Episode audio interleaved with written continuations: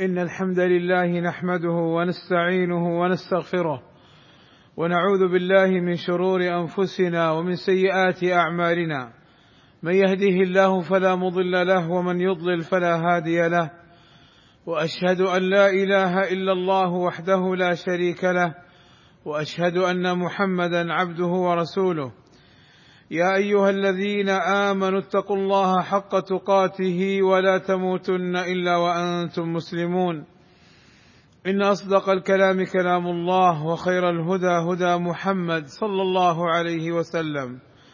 وشر الأمور محدثاتها وكل محدثة بدعة وكل بدعة ضلالة وكل ضلالة في النار. أما بعد فخصال الفطرة عشرة.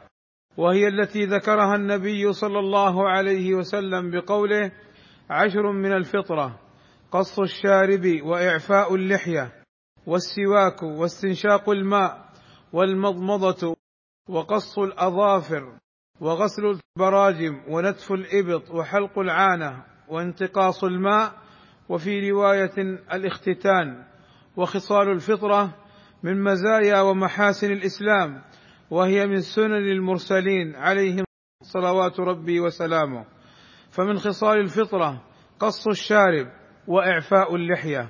قال صلى الله عليه وسلم احفوا الشوارب واعفوا اللحى. وقص الشارب أي إحفاؤه بقص كل ما طال على الشفة العليا. لما في ذلك من التجمل والنظافة ومخالفة الكفار. وطول الشارب فيه تلويث وقذارة. وربما يحمل الميكروبات. وإعفاء اللحية معناه أن يرسلها ويتركها. لما في بقاء اللحية من الجمال ومظهر الرجولة. واللحية يدخل فيها شعر الوجه واللحيين أي العوارض وشعر الخدين. وإعفاء اللحية واجب وحلقها حرام. وفتوى من يقول بأن إعفاء اللحية سنة أو عادة غير صحيحة. ومن خصال الفطرة استعمال السواك. قال صلى الله عليه وسلم السواك مطهرة للفم مرضاة للرب. ومن خصال الفطرة استنشاق الماء والمضمضة. وذلك عند الوضوء. ففي الاستنشاق وهو إدخال الماء في الأنف للتنظيف وإزالة الأوساخ. والمضمضة فيها تنظيف الفم من الأكل والدهن ونحو ذلك. ومن خصال الفطرة قص أظافر اليدين والقدمين لما في ذلك من إزالة الوسخ المتراكم تحتها. ووقت النبي صلى الله عليه وسلم لتقليم الأظافر أربعين يوما. والله أسأل لي ولكم التوفيق والسداد وأن يغفر لنا الذنوب والآثام. إنه سميع مجيب الدعاء. الحمد لله رب العالمين. والصلاة والسلام على المبعوث رحمة للعالمين وعلى آله وصحبه أجمعين عباد الله من خصال الفطرة غسل البراجم والبراجم العقد التي في الأصابع من الباطن ومعناه تنظيف المواضع التي يجتمع فيها الوسخ. ومن خصال الفطرة نتف الإبط وحلق العانة ونتف الإبط أي إزالة الشعر النابت في الإبط. فيزال هذا الشعر بالنتف أو الحلق أو غير ذلك لما في إزالة هذا الشعر من النظافة وقطع الرائحة الكريهة.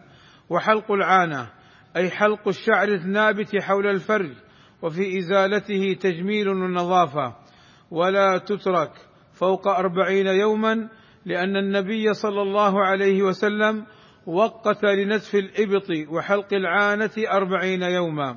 ومن خصال الفطرة انتقاص الماء أي الاستنجاء بالماء لإزالة النجاسة لما فيه من التنظيف والتطهير ويدخل فيه نضح الفرج بالماء. ومن خصال الفطرة الاختتان والختان هو إزالة الجلدة التي تغطي الحشفة حتى تبرز الحشفة. ويكون الختان من اليوم السابع فما بعده.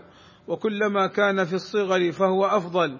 قال ابن عباس رضي الله عنهما سبعة من السنة في الصبي يوم السابع يسمى ويختن. قال أهل العلم يجب ختان الصبي عند بلوغه ومن ولد مختونا فلا يختن. أيها المسلم هذه من خصال ديننا الحنيف فاحرص عليها ولا تخالفها فتشابه اليهود والنصارى. عباد الله إن الله وملائكته يصلون على النبي. يا أيها الذين آمنوا صلوا عليه وسلموا تسليما. فاللهم صل على محمد وأزواجه وذريته كما صليت على آل إبراهيم. وبارك على محمد وأزواجه وذريته كما باركت على آل إبراهيم. إنك حميد مجيد. وارض اللهم عن الخلفاء الراشدين أبي بكر وعمر وعثمان وعلي.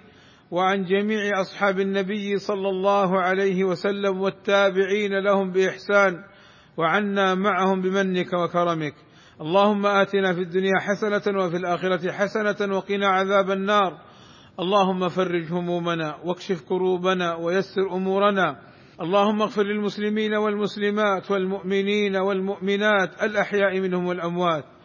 اللهم وفق ولي أمرنا وولي عهده لما تحبه وترضاه. وأصلح بهما البلاد والعباد واحفظهما من كل سوء.